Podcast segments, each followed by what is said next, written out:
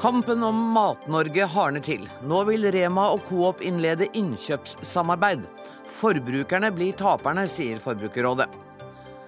Taushetsplikten kan villede domstolen og føre til uriktige straffer. Det mener psykolog som vil ha oppmyking av loven. Norsk nødhjelp styres av politikk og ikke av humanitære behov, mener Leger uten grenser. Dette er å blande kortene, svarer Utenriksdepartementet.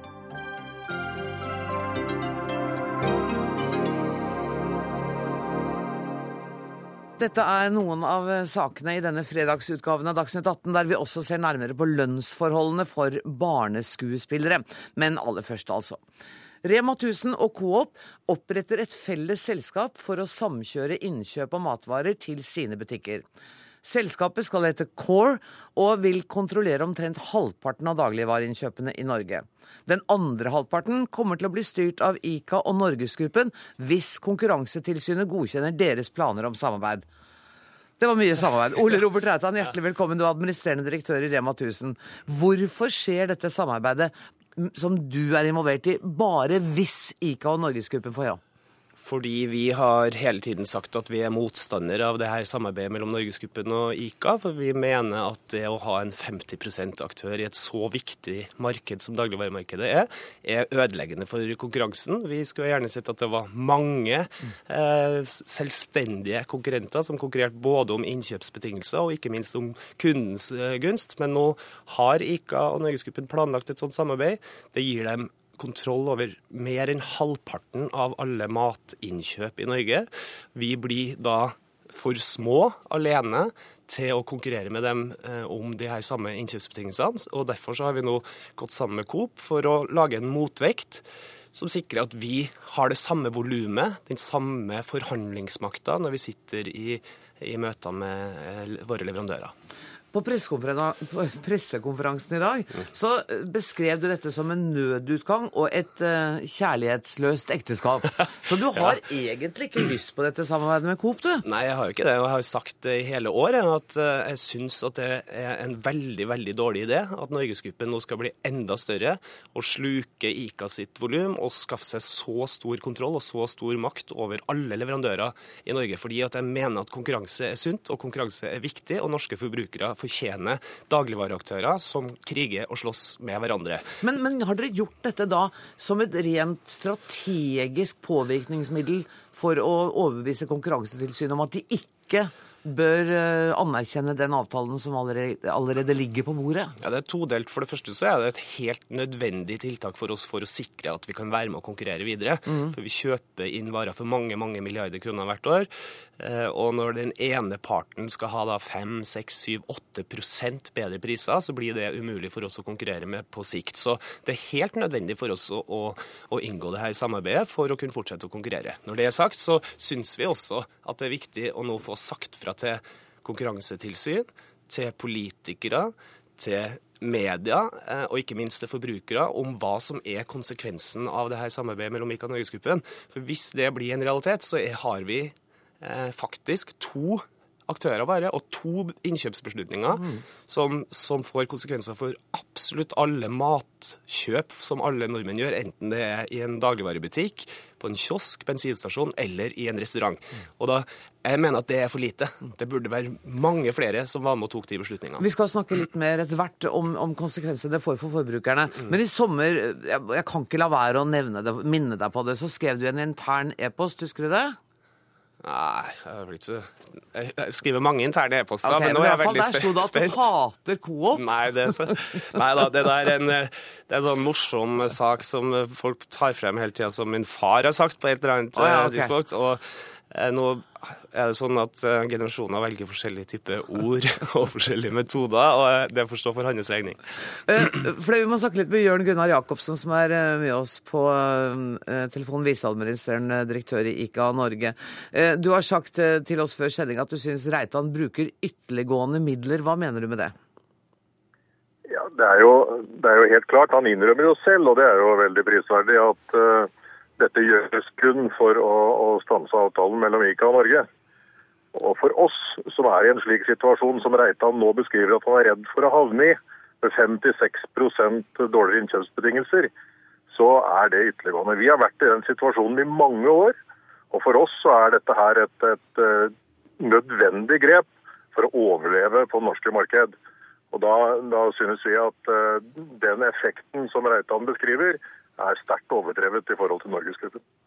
Altså det er jo sånn at For oss er det jo ikke først og fremst ICA sin situasjon som er utfordrende. Vi syns det er veldig fint at ICA prøver å ordne seg så de får bedre betingelser. For jeg tror vi trenger ICA også i det norske dagligvaremarkedet. Vi burde hatt enda flere konkurrenter. Men problemet mitt er Norgesgruppen. For Norgesgruppen er allerede i dag, uten ICA, for stor. Har for stor markedsmakt, har tilrevet seg for gode betingelser. Og vi sitter og konkurrerer i et marked der pris er veldig viktig. Senest i dag vant vi VGs julebørs og fikk hele forsida på VG veldig glad for det, men det får vi pga. at vi driver veldig effektive butikker, har lave kostnader. Men det vi ikke kan leve med over tid, er at vi har nødt til å betale mer for varene enn det Norgesgruppen med sine konsepter gjør. Så ICA, Jeg skjønner at ICA er i en vanskelig situasjon, må samtidig huske på at ICA eies av Nordens desidert mest lønnsomme dagligvareselskap, ICA AB i Sverige. Så det er ikke noe synd på ICA sånn sett. De har nødt til å gjøre masse for å få orden på drifta si i Norge. Men det de ikke kan gjøre, det å slå seg sammen med den allerede defi definitivt største aktøren på det norske markedet. Det var en uklok beslutning av ICA. Men hvis ICA hadde gått til dere og bedt om et samarbeid, så ville det vært en klok beslutning? Jeg mener at om de hadde gått til Coop eller om de hadde gått til oss, så hadde det fortsatt vært noenlunde balanse i det norske dagligvaremarkedet. Hadde du hatt tre aktører i hvert fall som var noenlunde like stor. Det, det som er så dumt med denne beslutninga som ICA har tatt i forhold til Norgesgruppen, det er at det skaper én veldig dominerende aktør. Det ødelegger markedet, og det har vi sagt tydelig fra om hele tiden. Jacobsen, er det en vurdering du kan dele, at eh, det at dere går sammen med Norgesgruppen, ødelegger markedet? Nei, det kan jeg ikke. Og nå er det da slik at det er bare noen få år siden Bunnpris nettopp var et innkjøpssamarbeid med Norgesgruppen. Skiftet over til Reitan, både innenfor logistikk og innkjøp. De hevder selv at de fikk like gode betingelser i Reitan-systemet som de hadde i Norgesgruppen. Dette er ikke mange år siden slik at denne differansen tror jeg er sterkt overdrevet. Det skyldes jo først og fremst at vi har en eh, dobbelt så effektiv logistikk som den Norgesgruppen har, så vi kompenserer veldig mye av de eh, innkjøpsfordelene som Norgesgruppen har, med veldig mye mer effektiv drift. Men over tid, når den ene eh, sponses av industrien år etter år med milliarder av kroner i bedre betingelser, og vokser på alle andre sin bekostning, så vil Eh, det skape en ubalanse som bare blir større og større for hvert år. Eh, og det vet ICA også. og Når de nevner bunnpris, så er det veldig morsomt, for inklusive bunnpris så er vi fortsatt nesten halvparten så stor som Norgesgruppen er i dag, uten ICA.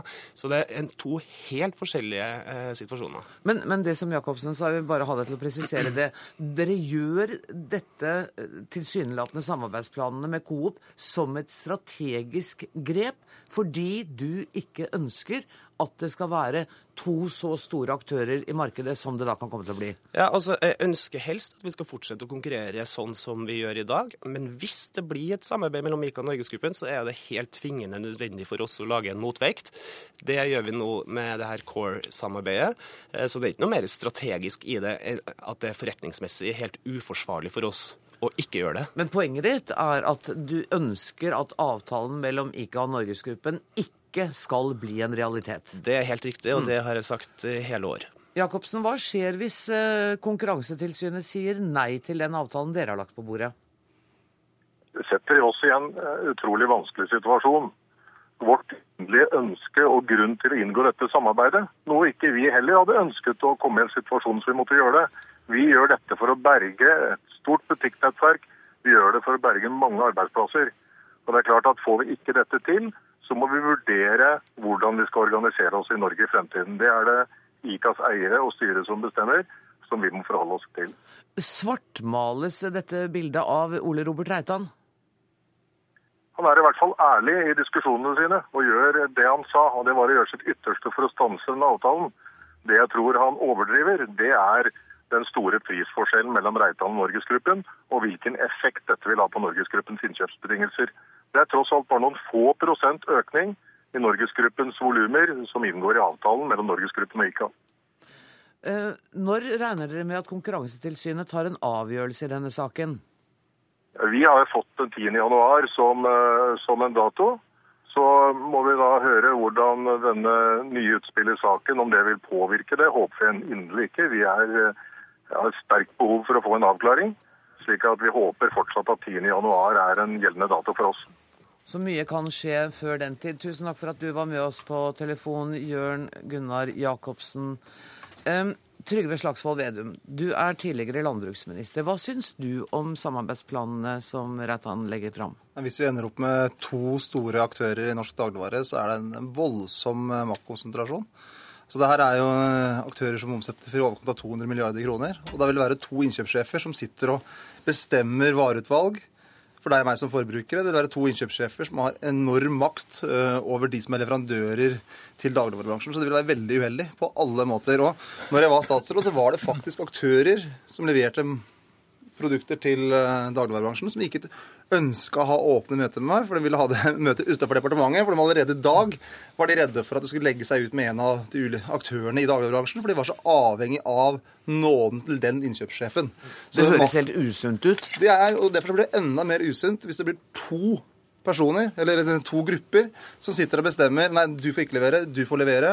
Uh, og da vil industrien leve helt på nåden til de innkjøpssjefene, og det, det kan vi ikke la skje. Der er dere også helt enige, du og Reitan? Ja, Vi er jo helt enige, fordi at uh, vi, det her er jo en konkurranse, og konkurransen eh, handler jo veldig mye også om vareinnkjøp. Og jeg mener at jo flere innkjøpere vi har, jo større mulighet er det for mindre leverandører til å komme inn på markedet. Jo større mulighet er det for at det blir forskjellige typer produkter, forskjellige tilbud i de forskjellige butikkene. Um, og, og det er klart at hvis du har to kunder som står for halvparten av omsetninga hver, og du ikke kommer inn det ene stedet i det ene året, så er det veldig mange som sitter med en kostnadsbase som gjør at det ikke går an å fortsette drifta. Så jeg er helt enig i at det er usunt. Ja, men Hagesæter, du er stortingsrepresentant for Fremskrittspartiet, og i dag liksom, i og for seg for regjeringen. Statsråden hadde ikke anledning til å komme. Eh, hva, hvordan vurderer du denne situasjonen? Er det greit at vi får to maktsentra i norske matvare Nei, det er overhodet ikke greit. og Det som jeg er mest opptatt av, det er forbrukerne. Og jeg tror det at eh, Dette vil eh, kunne svekke konkurransen. Det kunne medføre høyere priser og dårligere utvalg i butikkene. og Det fortjener ikke norske forbrukere. og Derfor så er dette her en uheldig utvikling. Eh, men vi har jo et konkurransetilsyn som nå har fått denne saken på sitt bord. og Jeg forventer det at de går inn i denne saken på en grundig måte, og at de jobber raskt og at de kommer tilbake igjen. og Jeg tror og håper også også at Konkurransetilsynet kommer til å si nei til, til dette. Hvis de ikke gjør det, bør da politisk ledelse inn og gjøre noen ting? Det må vi komme tilbake igjen ting til der og da. Som sagt så håper jeg at de går inn i saken ganske raskt og foretar en grundig vurdering. Og jeg tror og håper altså at de kommer til den konklusjonen at dette er uakseptabelt. Og dersom de ikke gjør det, altså en hypotetisk problemstilling, så må vi eventuelt komme tilbake igjen hva som bør gjøres da. Men er det ikke lurt å forberede seg på en hypotetisk eh, Nei, Det er to muligheter. Enten så godtar Konkurransetilsynet, eller så gjør de ikke, gjør de ikke det. Ja. Det er vel lurt, mm. siden det er 10. januar vi snakker om, å ha tenkt noen tanker rundt ja, det før det? Det har vi tenkt noen tanker tanker omkring dette her, men det kommer ikke jeg til å meddele på NRK Dagsnytt 18. Så, sånn at nå skal, nå skal, Konkurransetilsynet nå skal de få jobbe i fred med dette her, og jeg har stor tiltro til dem at de kommer fram til en god eh, avgjørelse i denne saken. Slagsvold Vedum. Ja, når, eh, når det her skjedde da i januar, så var vi som representerte den forrige regjeringa, veldig tydelige med en gang at vi var svært skeptiske til en sånn sammenslåing av Vika Norgesgruppen med de konsekvensene som da mm. vi nå ser. Og vi var også Det var ikke så vanskelig å tenke seg det som nå eh, Coop eh, og Rema 1000 gjør. og Derfor var vi tidlig ute og signaliserte at vi var negative til en sånn type holdning. Og vi var glad for at Konkurransetilsynet gikk inn. Og så var det jo det som var litt rart, da, var at eh, partiet Høyre uttalte seg faktisk litt positivt. Jeg skjønner ikke helt hvorfor de gjorde det. Jeg lurer på om det var fordi jeg var negativ. Så, så, så, så da måtte de tenke at her må det være noe feil.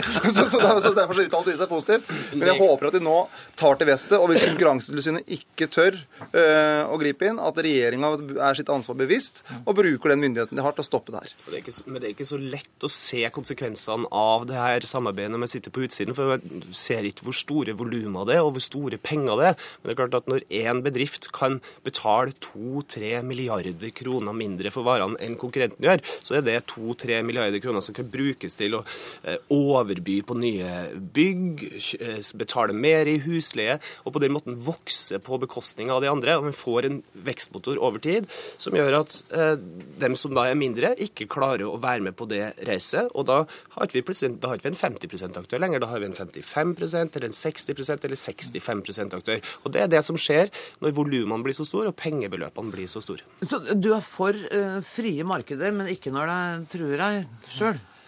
Jo, men bare, alle frie markeder skal reguleres og holdes i hvis det ikke Sånn er det hele verden. Alle frie markeder i hele verden har et konkurransetilsyn og har en regulering, og det er for å sikre at ingen tar og grebber til seg hele markedet alene. Men samtidig så er det jo da forståelig, sier du, og går ut fra at dere også er enige, at ICA, som var i en vanskelig situasjon, har lyst til å gå i allianse med noen. Ja, så var... de bare valgte feil partner, da? Ja, det var helt utrolig eh, hvor uklokt det var. For de hadde to helt åpenbare muligheter muligheter her til å gå sammen med Coop eller å gå sammen med Rema. Og du må huske på at et samarbeid mellom f.eks.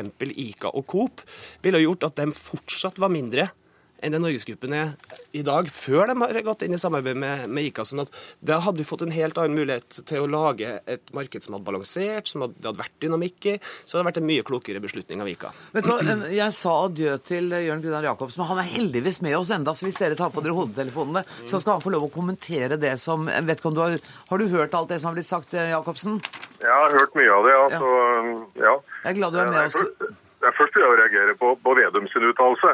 Altså han, han går og, og, og, prater som om dette er en sammenslåing av Norgesgruppen og ICA. Det er det aldeles ikke. Det er fortsatt vil være 16 kjeder der ute som slåss hver om hver eneste kunde. Slik at eh, det må vi i hvert fall sørge for at vi har klart bildet bilde av. Men det er en sammenslåing av innkjøp, og innkjøp er den aller aller viktigste oppgaven en dagligvareaktør har. Det er det vi bruker all tida vår og alle kreftene våre på, å gjøre gode innkjøp. Og når man da slår sammen innkjøpsvolumet, så er det jo i stor grad en sammenslåing. Ja, Nå var det ikke deg det dreide det var Vedum. men uh, rett skal være rett. Jeg skjønner du er aktiv. Det er et eller annet uh... skal, vi, skal vi la Vedum slippe til uh, nå, og så kan du få ordet igjen etterpå, Jacobsen? Ja, det er greit. Altså, for det første så er det viktig å si at når du ser på ICA-konsernet sin overskudd, så det vært, er det enormt store overskudd. Så har ICA valgt en strategi i Norge som har vært feilslått, og drevet butikk dårlig i Norge over tid. Og det ser alle. at eh, Etter at de overtok og, og de har endra konsept, så har det gått dårlig. Men det er ikke dermed sagt at, at, noen, når noen har drevet dårlig, at vi da også skal ta dårlige nye valg. For det som eh, det her handler om, er jo den hele matvarekjedene i Norge. Og det er Norges nest største fastlandsindustri, er matvareindustrien. Og det er alle forbrukere. og Derfor så må vi tørre å stille krav. Eh, og ICA som morkonsern har også muskler til å gjøre omstilling og tilpasse seg mer norske handlemønstre enn mer enn svenske handlemønstre. Sånn at de har en større mulighet til å lykkes i det norske dagligvaremarkedet enn til nå. Og så er det et innkjøpssamarbeid. Ja, og, og, det er jo det, det som er poenget. For det er jo derfor ICA har vært så fortvila. For de mener man har fått for dårlige betingelser. Og de mener at hvis de da går sammen med Norgesgruppen, så blir de i sum så tunge og så mektige at det er ikke mulig å si nei til en så tung aktør. Og hvis du da får to så store, tunge aktører, så, så er det da to mennesker eller to grupper som sitter ved makta begge ender. Og forbrukere og industri blir taperne, og det kan vi ikke sitte og se på. For Jacobsen, jeg går ut fra at du heller ikke ønsker deg eh, den type situasjon hvor vi har to aktører i Norge? Overhodet ikke. Det er ingenting vi heller hadde ønsket enn å ha vært i stand til å stå på egne ben. Derfor har vi også inngått en avtale som har en klar tidsbegrensning. Og det er den tiden vi trenger for å klare å komme tilbake igjen. Så skal ikke vi diskutere historien, den, eh, den kjenner alle. Men det er i hvert fall nå satt inn en norsk ledelse som en klar ambisjon det er igjen også gjenopprette ICA som en sterk aktør på det norske dagligvaremarkedet. Ja, men Hagesæter, du sier at dere har full tillit til at Konkurransetilsynet kommer til å gå inn i denne saken grundig og komme til en vettug beslutning. Jeg tror at Jacobsen regner med å få et ja den 10. januar? Det vet ikke hva Jacobsen regner med og ikke regner han med. Håper men, i Ja, Det kan godt hende at han håper det. Men det er altså på den måten dette fungerer, at det er Konkurransetilsynet som gir råd eh, til regjeringen. Det er altså ikke regjeringen som, eller regjeringspartiene som gir, gir råd til Konkurransetilsynet. Eh, slik at de må få lov til å gå inn i denne saken. Men, men det som er i hvert fall vårt, mitt utgangspunkt, er det, det at vi har for lite konkurranse sånn som det er. Mm. Norske forbrukere de har et dårlig utvalg eh, på mange varer. Eh, og prisene er også høye. Eh, og Derfor så er det viktigere å ta grep i forhold til å styrke den konkurranseevnen og, og, og da, den konkurransen. Og da er det, da det som går på, eh, på tollbarrierer, tollsatser, at vi får senka dem. Og ikke begynne å slåss om de der ostetollene igjen. Da får jeg litt angst, hvis, Nei, jeg, hvis vi setter Vedum i gang med det. Det er andre tollsatser enn ostetoll vi har i Norge, og det er viktig å få redusert det, slik at vi får et, et bedre, bedre konkurranse, lavere priser til forbrukerne og også et større utvalg. Men mener du at lavere tollsatser, ikke bare på ost, men på andre mm. varer også, er det som skal til for å gi oss et mer mangfoldig og levekraftig matmarked? Det mener jeg er et utgått eh, i forhold til å få et bedre mangfold og lavere priser til forbrukerne. Ja, der har vi litt da skal jeg Nå prøve å la være. Du, ja. Jeg skal prøve å la være å snakke om det. Ellers blir jeg streng. Ja, greit. Jeg har veldig respekt for uh, strenge programledere. Uh, vi, snakket, uh, vi, har hatt et lovarbeid der vi har diskutert en lovregulering av dagligvarebransjen tettere. Noe som heter lov om god handelsskikk. Mm. som ble framlagt etter NOU når jeg var statsråd, og som nå ligger i regjeringa. Og det er veldig spennende å se nå om regjeringa ønsker og prøve å gå inn og lovregulere det området her bedre. Og Noe av poenget med den, det arbeidet var å klare å lage mer skriftlighet, bedre avtaler, mer forutsigbarhet både for industri og dagligvarebransjen. Og, at hele bransjen som sådan skal bli mer gjennomsiktlig. Og det håper jeg at Fremskrittspartiet nå ser at det er klokt å, å gå videre med det lovarbeidet og sørge for at vi får en bedre lovregulering, og at det blir mindre cowboytilstander og, og mer forutsigbarhet for alle. Og så er det litt uklokt av Hagesæter å ikke tenke på når han snakker om toll, at det her er Norges nest største industri vi snakker om. Mm. Jeg syns det er litt uh, fint uh, nå når Senterpartiet og, og og Rema 1000 er enig for en gangs skyld. Det er litt deilig, for at vi har drevet og debattert noe i veldig mange år. ja. I dette studio òg. Ja, det har vi også gjort, og det er jo morsomt, eh, det. Men nå er vi i hvert fall enige. Og det vi, eh, som har vært eh, tema nå i de siste årene, har jo vært problemet med at det bare er fire aktører på det norske dagligvaremarkedet. Og det har vi brukt mye tid på å diskutere. Jeg har aldri ment at det var noe stort problem. Men nå kan vi altså risikere at vi etter flere år med debatt rundt problemstillinga med at det er bare fire beslutningstagere i norsk dagligvarebransje, ender opp med at vi bare har to. Og det tror jeg er veldig, veldig usunt. Vet dere hva? Jeg skal si tusen takk for at dere kom. Jeg vet at dere alle tre er på vei til noe som er enda hyggeligere enn å være i Dagsnytt 18, så takk skal dere ha. Takk til Gjermund Hagesæter, Ole Robert Reitan, um, Trygve Slagsvold Vedum og til Jørn Gunnar Jacobsen, som var med oss på telefonen. Um, vi skal fortsatt snakke om dagligvarer, for vi slipper ikke dette samarbeidet helt enda. Det er kundene som kan bli den store vinneren her. Det leste jeg at du hadde sagt, eh, Odd Gisvold. Du er fagsjef i varehandel ved Handelshøyskolen i BI. Da ble jeg, eh, Handelshøyskolen BI. Da ble jeg litt overrasket. Ja, men du kan være trygg på at det er tilfellet. Det er nemlig slik at det norske dagligvaremarkedet det er på 150 milliarder. Men disse 150 milliardene de står temmelig stille.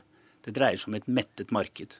Nordmenn har klær nok og er mette. Og i mettede markeder så bryter det ut priskrig. Og i dette markedet er det ikke én eller to eller fire aktører, det er faktisk 16. Og den største aktøren er Rema 1000. Og den nest største er Meny. Og så kommer Kiwi, og den minste av disse 16 er Ultra. Og de konkurrerer så fillene fyker, og det kan vi se i alle aviser og overalt. Det er en kjempekonkurranse. Tre for to, 40% på det ene og det andre. Torsdagstilbud, fredag, ja, ja. Og det vil fortsette fremover i mange år. Men du, så, så når Ole Robert Reitan sitter her og sier at Norgesgruppen er den store, eh, og det var derfor ICA ikke burde gått inn med dem, for da blir det ikke balanse. Så mener du at det er den enkelte kjede som konkurrerer? Ja, det er i dagligvarebutikken konkurransene står. Men tar han sånn feil, da, eller fortegner han bildet? Nå er han gått, men jeg ser at han står og hører på oss. Ja, ja, han burde kanskje vært her. Han har jo studert hos meg en gang i tiden. Nei, det er nemlig ikke sånn at det er én eller to eller tre eller fire innkjøpere i Norge. Det er minst 16. Det er sannsynligvis enda flere. Og hvis du spør leverandørene, så vet de hvor vanskelig det er å forhandle med hver enkelt kjede om varer som skal i hyllene, og om betingelser. Men nå hørte vi også eh, Hagesæter fra Fremskrittspartiet si at vi kan risikere at vareutvalget blir dårligere også? Vi har godt vareutvalg i Norge. Store supermarkeder har over 20 000 varer, og det er de varene som nordmenn vil ha. I Spania er det annerledes. Food business is local business. Mm. Burde det ikke vært sånn her òg? Jo, det er det. Er det? Og Tre ganger i året så kommer det tusenvis av nye varer inn i norske butikker fordi norske forbrukere har villet ha det, fordi norske leverandører er innovative og kommer med disse nyhetene. Randi Flesland, du er direktør i Forbrukerrådet. Ble du helt beroliget nå? Nei, overhodet ikke. Jeg er faktisk ikke helt enig. For det vi snakker om her er jo innkjøpssamarbeid, og det er helt klart at Norgesgruppen er den helt klart største maktfaktoren på innkjøp innenfor dagligvaremarkedet i Norge. Og sammen med ICA får de over halvparten av det markedet. Og hvis vi da får den andre aktøren, så vi får to store sammenslutninger her på innkjøpssiden, så er det klart at da er konkurransen vesentlig svekket. Og hva skjer når konkurransen er svekket? Ja, Da er det ikke noe vits i å presse prisene så langt, for da vet de hva de andre har. Da kan du ha høyere priser. Da gidder de jo ikke å ha så mange leverandører som de har i dag. Da vil mange, masse varer forsvinne ut av hyllene, sånn at vi som forbrukere får enda dårligere utvalg. Og hva skjer med innovasjon og kvalitet? Det vet jeg ikke, men det er en risiko. Så det er helt klart at dette er virkelig en dårlig julegave til oss forbrukere om dette skal gå igjennom. Men, men dere snakker som om dere definerer det helt forskjellig, for du snakker nå om Norgesgruppen som en enhet, mens Gisholt snakker om de ulike kjedene. Eh, så det er liksom to forskjellige virkeligheter som møtes. Har ikke Gisholt rett i at det er kjedene, de 16 kjedene, som faktisk konkurrerer hver eneste dag? Nei, altså de har kjeder som konkurrerer, men det er jo helt klart at Norgesgruppen som en gruppering som som et konsern er mye sterkere i en innkjøpssituasjon enn det en mindre aktør, som f.eks. ICA eller Coop er. Så det er jo helt klart at grupperingene er jo det som gir tyngdepunktet i avtalen. Og vi vet jo det at Norgesgruppen har de beste innkjøpsprisene. Og det er jo ikke fordi at hver enkelt er så veldig god, men det er fordi at de som gruppe står så sterkt. Så dette her er en risiko for oss. Og så sier vi at veldig godt utvalg. Ja, men vi har jo masse undersøkelser som viser at i Norge så har vi jo både et lavere utvalg enn de landene som er naturlig å sammenligne oss med, og også høyere priser. Og ja, vi har en del fullsortimentbutikker i Norge, men de er jo ikke over hele Norge. Norge har jo en flora av jeg vil ikke kalle det lavprisbutikker, for det fins ikke i Norge, men lavutvalgsbutikker som er ganske like. Mm. Så det er klart at hvis vi skal få opp konkurransen her, og få flere med et større sortiment, så kan vi ikke ha to innkjøpssjefer som ikke gidder å forholde seg til alle leverandørene, men tar de største. Har hun helt feil? Ja, hun gjør jo i grunnen det. Og det er litt vanskelig å forklare. Jeg har fulgt bransjen i, ja, jeg har fulgt bransjen i over 30 år. Og La oss ta denne Norgesgruppen, da, som er stor. De har over 30% markedsandel. Og de har da profilhus som Meny og Kiwi og Spar.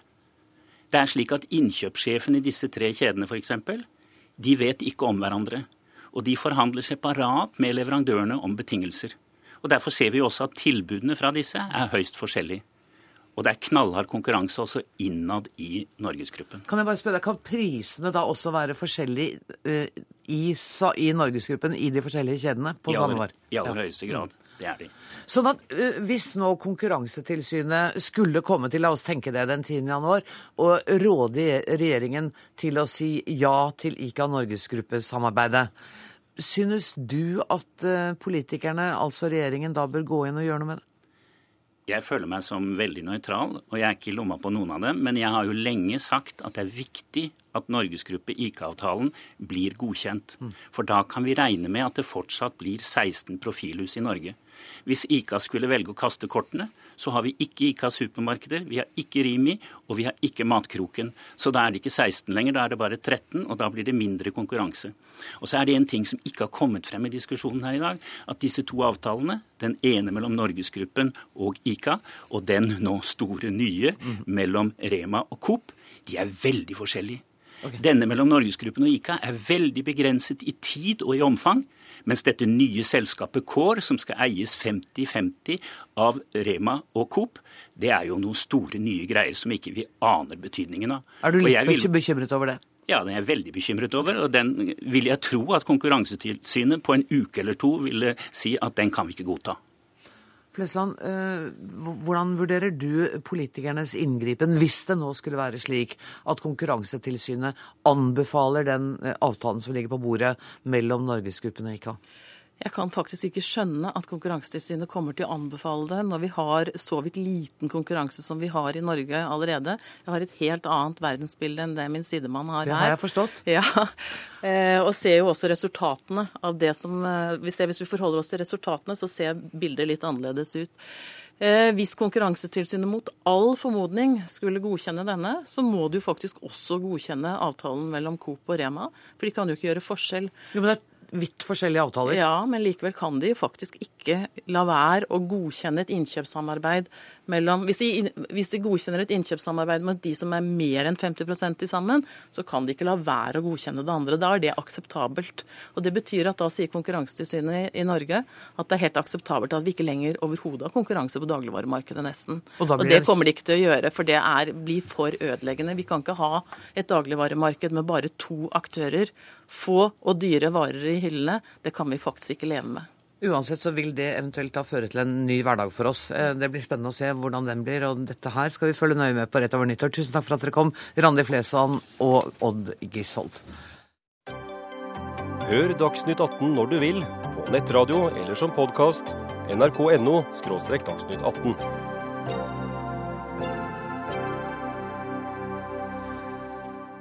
Bør tiltalte i straffesaker ha mulighet til å nekte sakkyndige innsyn i sine legejournaler?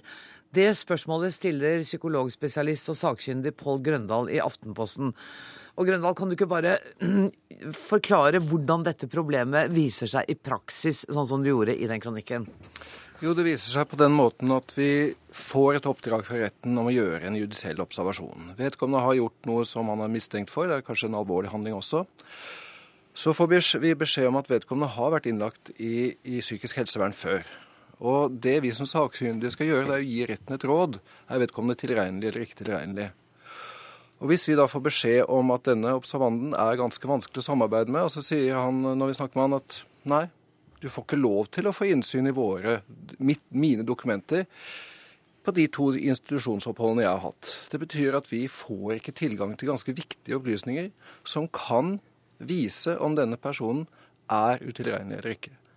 Det er ikke så farlig i de virkelig opplagte sakene, men det er der hvor vi er i tvil. Og Da vil jo vi gjøre en skikkelig jobb, og vi syns det er viktig og riktig å gi retten riktig råd.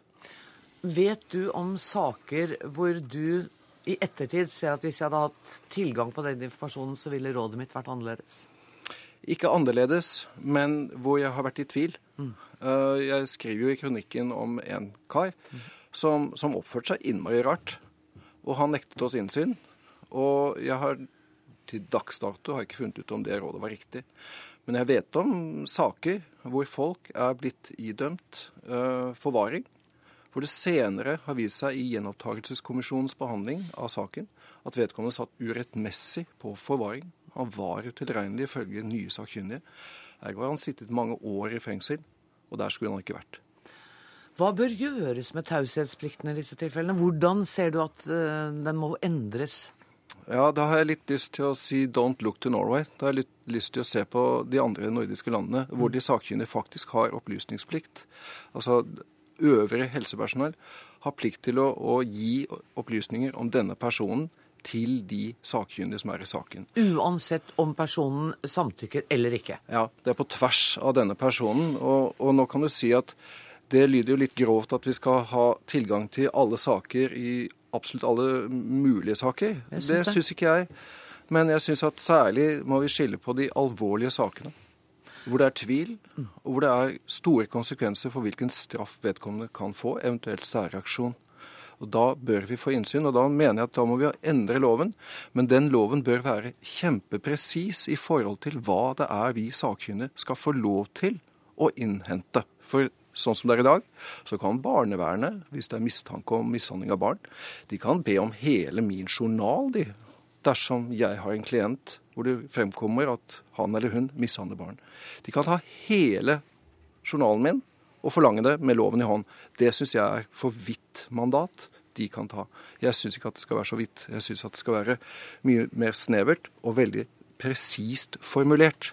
At når jeg skriver denne kronikken, så er det mitt prinsipielle standpunkt om at jeg syns at vi som sakkyndige på tvers av observanten bør kunne ha midler til å innhente uh, saksopplysninger som gjør at våre vurderinger blir riktige.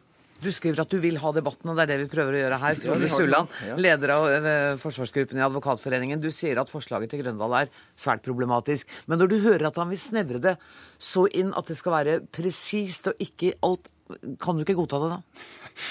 Jo, det er mulig det. Uh, og at uh, det kan uh, gjøres mye på å, å, presisere en lovgivning. Men eh, problemet er jo at man eh, åpner opp noen prinsipper, og at eh, det alltid har en tendens til å bli mer og mer åpent hvis man først har gått inn og åpnet døra. Og jeg er enig i at dette er en problemstilling som eh, det er fornuftig å diskutere og se om det er mulig å finne en løsning på, men kun i forhold til de helt, helt ekstraordinære tilfellene hvor det er en fare for at uskyldige kan bli uriktig dømt. Altså hvor noen som egentlig er utilregnelig, får en straffedom som de skulle altså være strafffri i forhold til. Mm, og det kan jo skje? Nå? Det kan nok skje, men, men, i mine 25 år med dette har jeg ikke sett dette som noe særlig stort problem.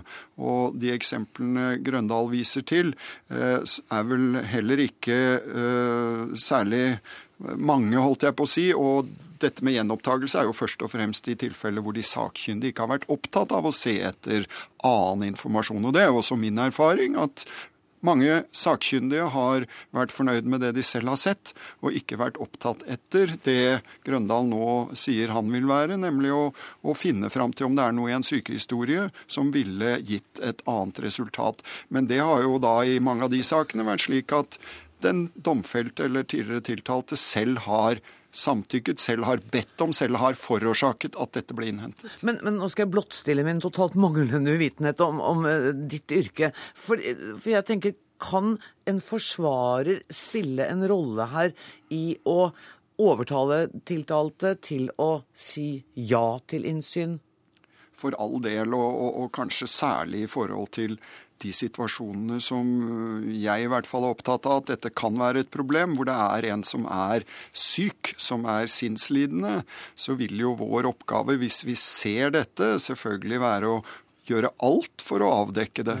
Og også da gjennom å overtale vedkommende til å gi sitt samtykke. Og det er derfor jeg sier at jeg har ikke sett dette som noe problem, fordi det er det som i alminnelighet vil skje. På min side så ser jeg det som et problem. Ikke fordi at det nødvendigvis skjer så ofte, men fordi det kan skje. Og jeg har nylig i en sak eh, jobbet forferdelig mye med nettopp å få tilgang til det jeg mener er avgjørende opplysninger om vedkommendes helse, som kan gi meg de, kanskje det avgjørende momentene for å vurdere om vedkommende er alvorlig sinnslidende, altså psykotisk, eller ikke. Og det, jeg syns det er merkelig at vi i Norge tillater en mulig ikke samtykkekompetent, alvorlig syk person som har mange paranoide ideer.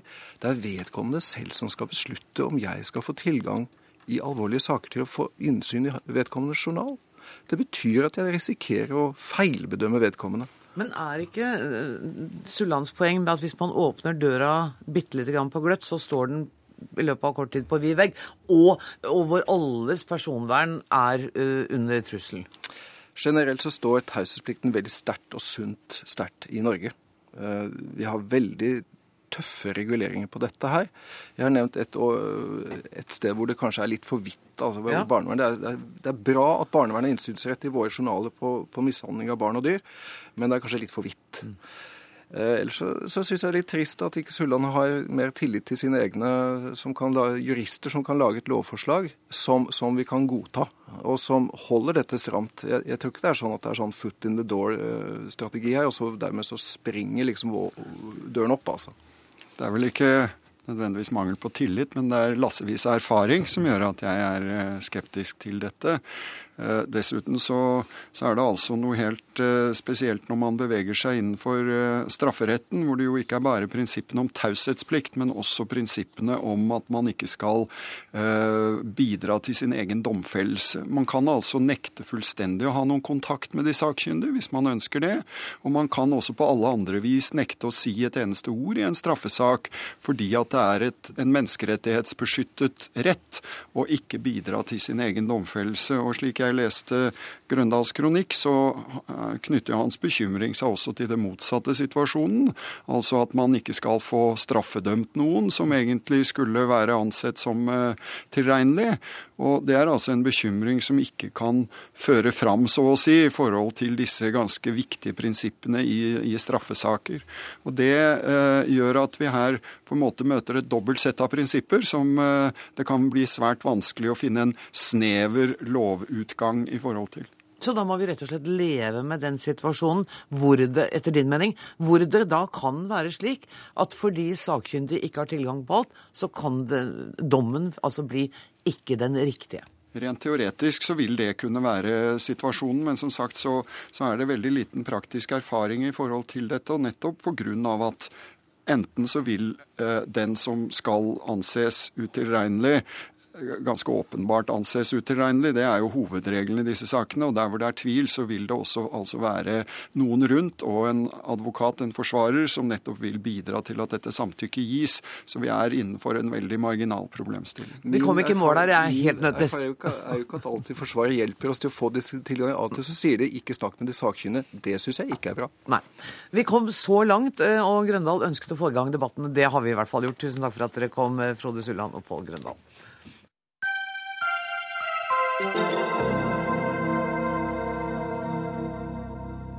Hvert år bevilger Norge 3 milliarder kroner til humanitær hjelp. Men pengene brukes ikke nødvendigvis der behovet er størst, men heller der Norge har politiske interesser.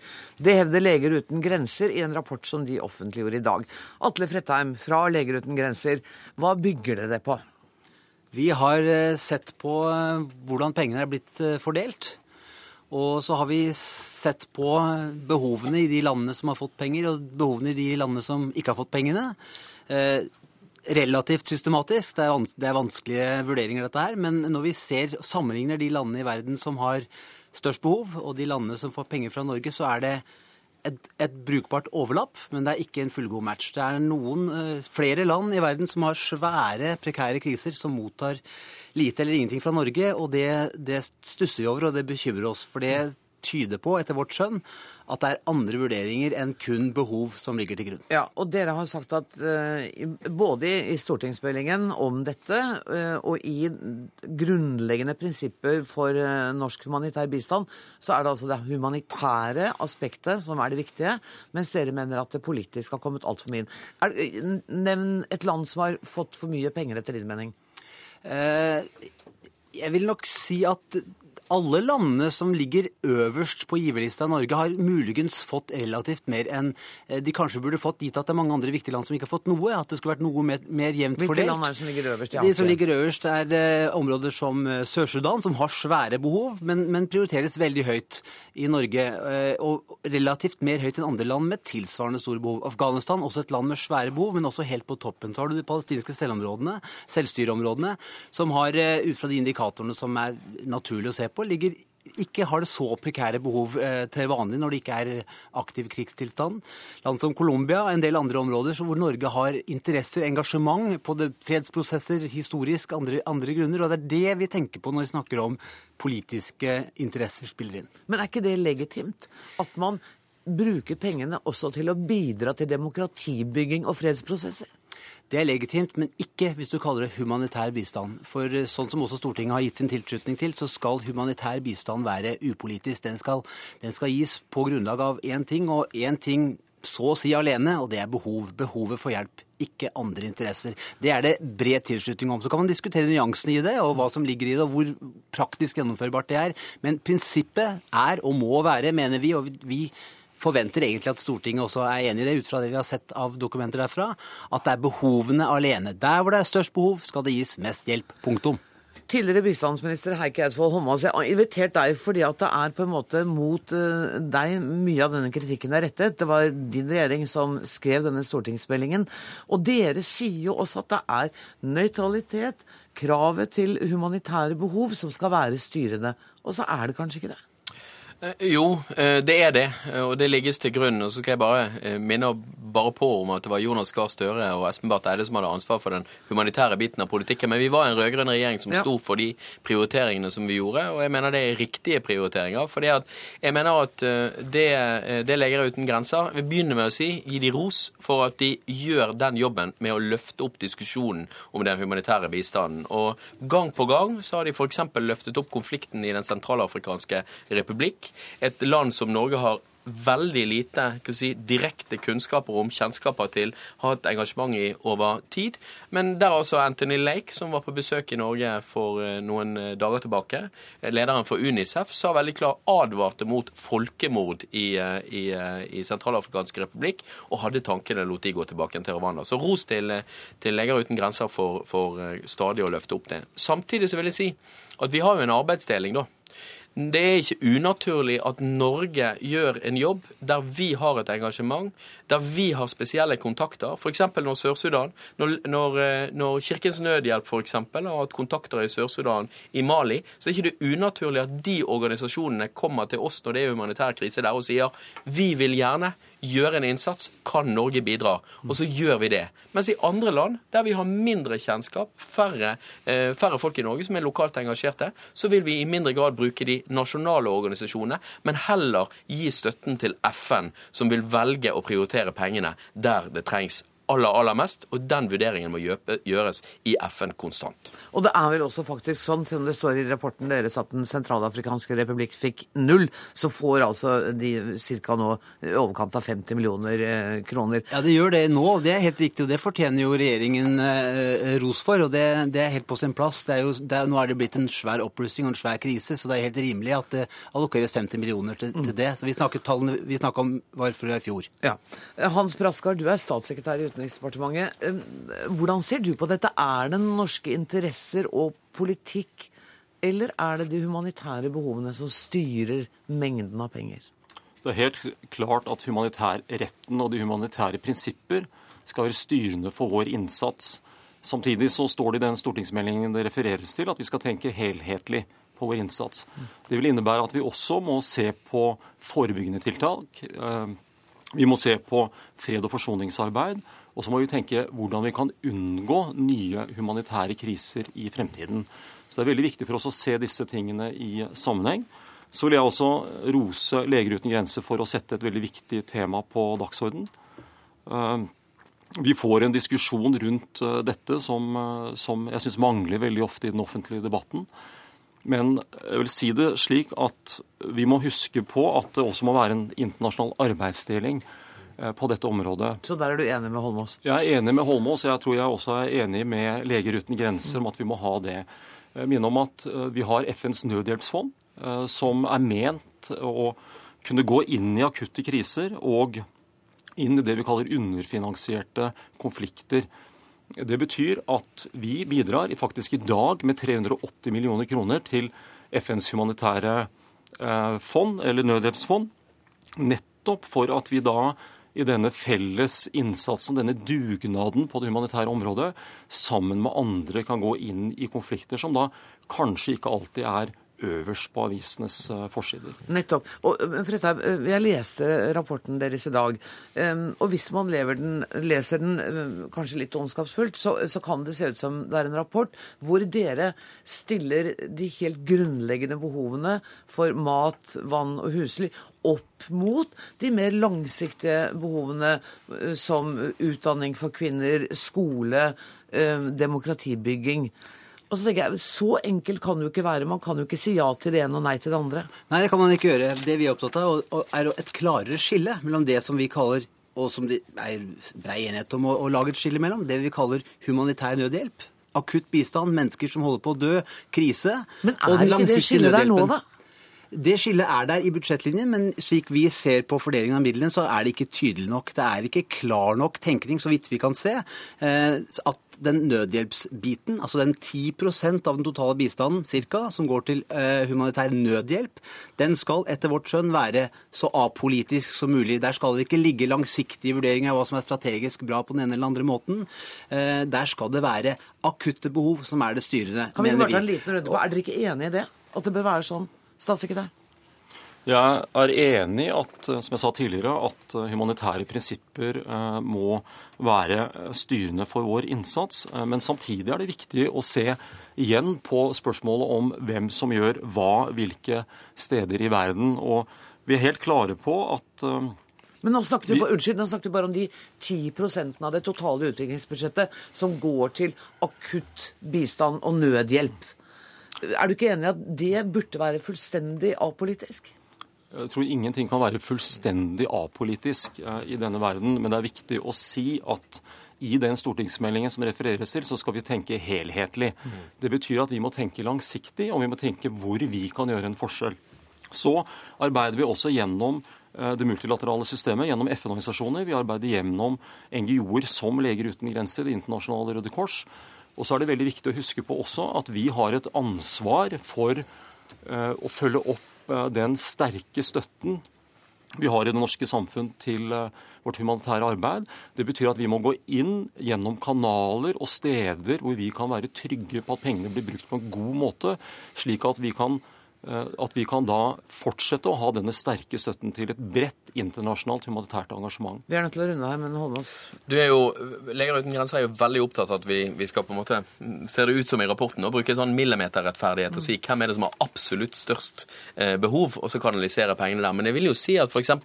Eh, når vi ser de ungene som, som lider eh, nå som følge av flyktningkatastrofen rundt Syria og, og krigen der, så er det jo ekstremt viktig at vi setter av nok penger til å gi de unge ungene utdanning, sånn at de har muligheten for å gjøre noe annet og få liksom hodet sitt inn på noe annet enn bare si, de elementære basic-behovene. Det er jo viktig når det skjer naturkatastrofer, og også se f.eks. tørke i Somalia, og også tenke ett skritt lenger og si hvordan kan de pengene eh, brukes til å forebygge neste katastrofe. Og Da tenker jeg, da må ikke det være millimeternøyaktighet på hvilken budsjettpost dette er eh, gjort over. Vi er nødt for å gjøre det som funker best. Vi, vi er, siste replikk her nå. Det kan se ut som vi er opptatt av millimeterrettferdighet. Den tar jeg. Men det er, også, det er, fordi at vi mener å ha dokumentert ganske overbevisende at her, ikke, her praktiseres ikke det som blir sagt. Her blir ikke prinsippene fulgt tilstrekkelig grad. Og det er klart at millimetermål det funker ikke. Her må det også brukes skjønn. En kan ikke eh, telle nøyaktig og regne sammen hvem som skal få hjelp først. Men intensjonen må være klar, og en må prioritere etter beste evne der hvor behovene er størst. Og Vi oppfordrer bare folk til å lese rapporten. Den er ikke vanskelig å lese, og den er ikke spesielt lang. Tusen takk for at dere kom, Hans Brattskar, Atle Fredheim og Heikki Holmås.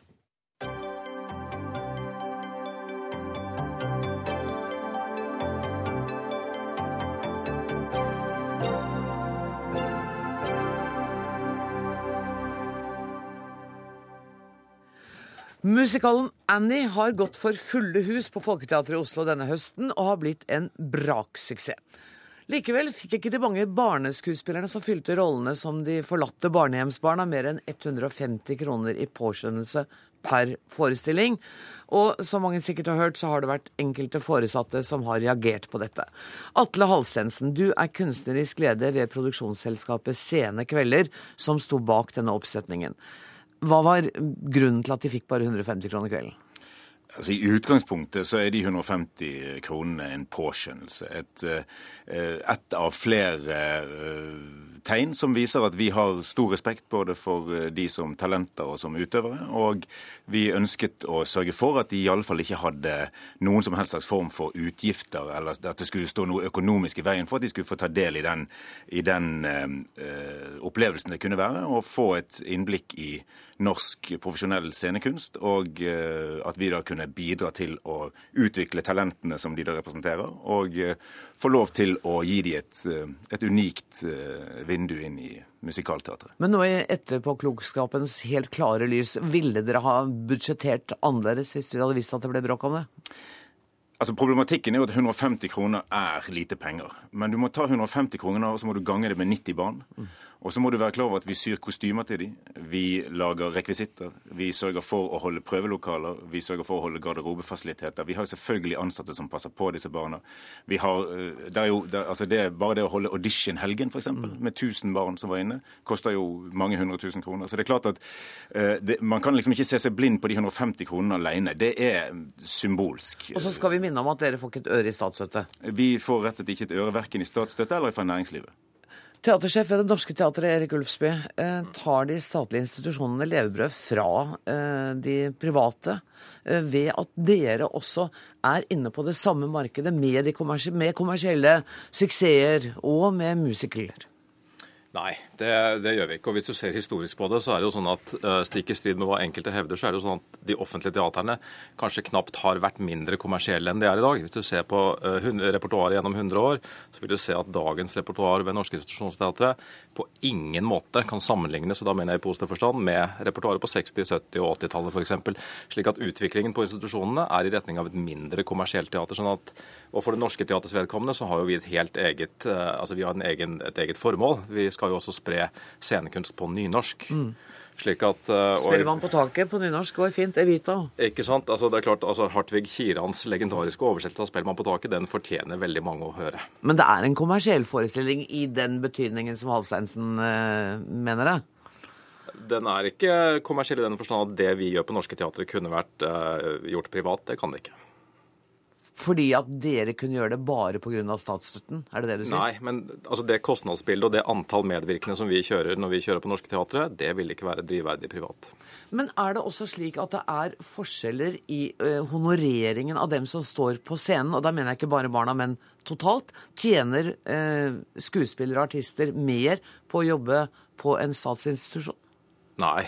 Det gjør de jo ikke. Men altså vi, altså vi, det er jo først og fremst voksne skuespillere som jobber på tariff på mm. norske offentlige teatre. Sånn at det er klart at jeg tror nok skuespillere eh, som eh, jobber for private produsenter, tar seg litt fettere, feitere betalt enn de, gjør på, enn de får på institusjonene. Dere har jo ment at det er nettopp kommersialiseringen av de statlige teaterne som har gjort livet vanskelig for dere. Nå har dere vel tjent bra med penger på Annie, men det har vel vært en stund siden sist? Ja, da vil jeg bare få lov til å si at Sene Kvelder som produksjonsselskap mm. mener ikke det. Nei. Du jeg, jeg, jeg, kan si med en eneste gang at, at, at uh, Annie på Folketeatret kunne vi aldri ha levert på det profesjonelle nivået og med så gode utøvere hvis ikke vi samtlige som hadde vært med der i, i ledende roller, hadde erfaring og gjort oss, eh, gjort oss, mye, mye mye mer kunnskapsrike gjennom det å produsere teater på institusjonene. Mm. Sånn at, at, Jeg vil bare presisere at jeg ikke er redd for konkurranse fra institusjonsteater. Tvert imot. Jeg tror jo at, at uh, I denne sammenhengen her så tror jo jeg at aktivitet avler aktivitet. Og, og, og det på veldig mange måter så legitimerer jo institusjonsteateret eh, musikalene på den måten at det får en kunstnerisk integritet. Det blir liksom ikke bare underholdning underholdningsfjas. Men det blir faktisk noe som, som publikum kan få lov til å oppleve som, som, som innholdsrikt og viktig. Så, så, vi er ikke redd for konkurranse, det vil jeg bare presisere. Og jeg er heller ikke redd for at, at, at institusjonsteatrene produserer eh, titler som for så vidt kunne gått privat og klart seg.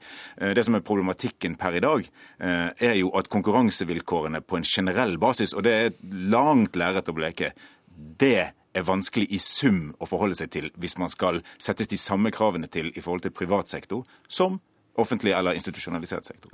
Ja, altså du, du, kan jo sammenligne det med NRK. da. Altså, ikke sant? Det er jo slik at NRK også får penger over statskassen fordi at man ikke bare produserer Skavlan, men fordi at man da er ansvarlig for et bredt Ja, man produserer Dagsnytt 18 også, ikke sant. Eh, og Sånn er det jo for, for de store teaterne også. ikke sant? Altså, Vi gjør kanskje en og annen tittel innimellom som er brei, men uh, eh, 95% av titlene våre er jo ikke det. Det er derfor vi får penger. Og, og, det mener du det berettiger det repertoaret dere har, det berettiger dere til den statsstøtten dere får? Dere tar i vare på den forpliktelsen som ligger i det? Ja, det gjør vi til de grader. Altså, vi lager jo først og fremst uh, veldig uh, ambisiøst teater i, i, på veldig mange uh, ulike plattformer, liksom. Mm. Uh, og så er det jo selvfølgelig for Det Norske Teaters del også slik at hvis ikke vi lager store musikkteaterproduksjoner på nynorsk, så fins ikke det i Norge. Og det vil jo være veldig alvorlig. Men Hans Lensen, Er det ikke rom for en, et land som Norge og en by som Oslo at man har flere scener som faktisk eh, lager eh, forestillinger som folk flest har lyst til å se? Som f.eks.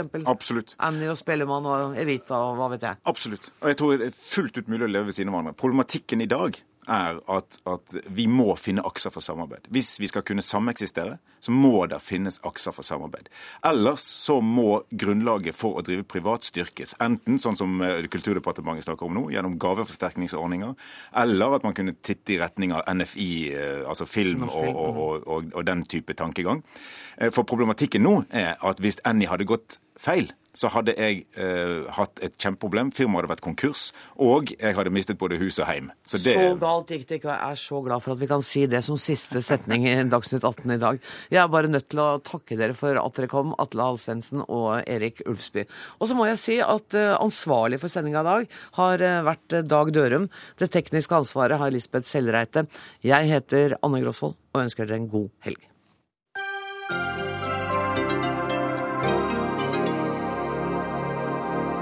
Hør flere podkaster på nrk.no podkast.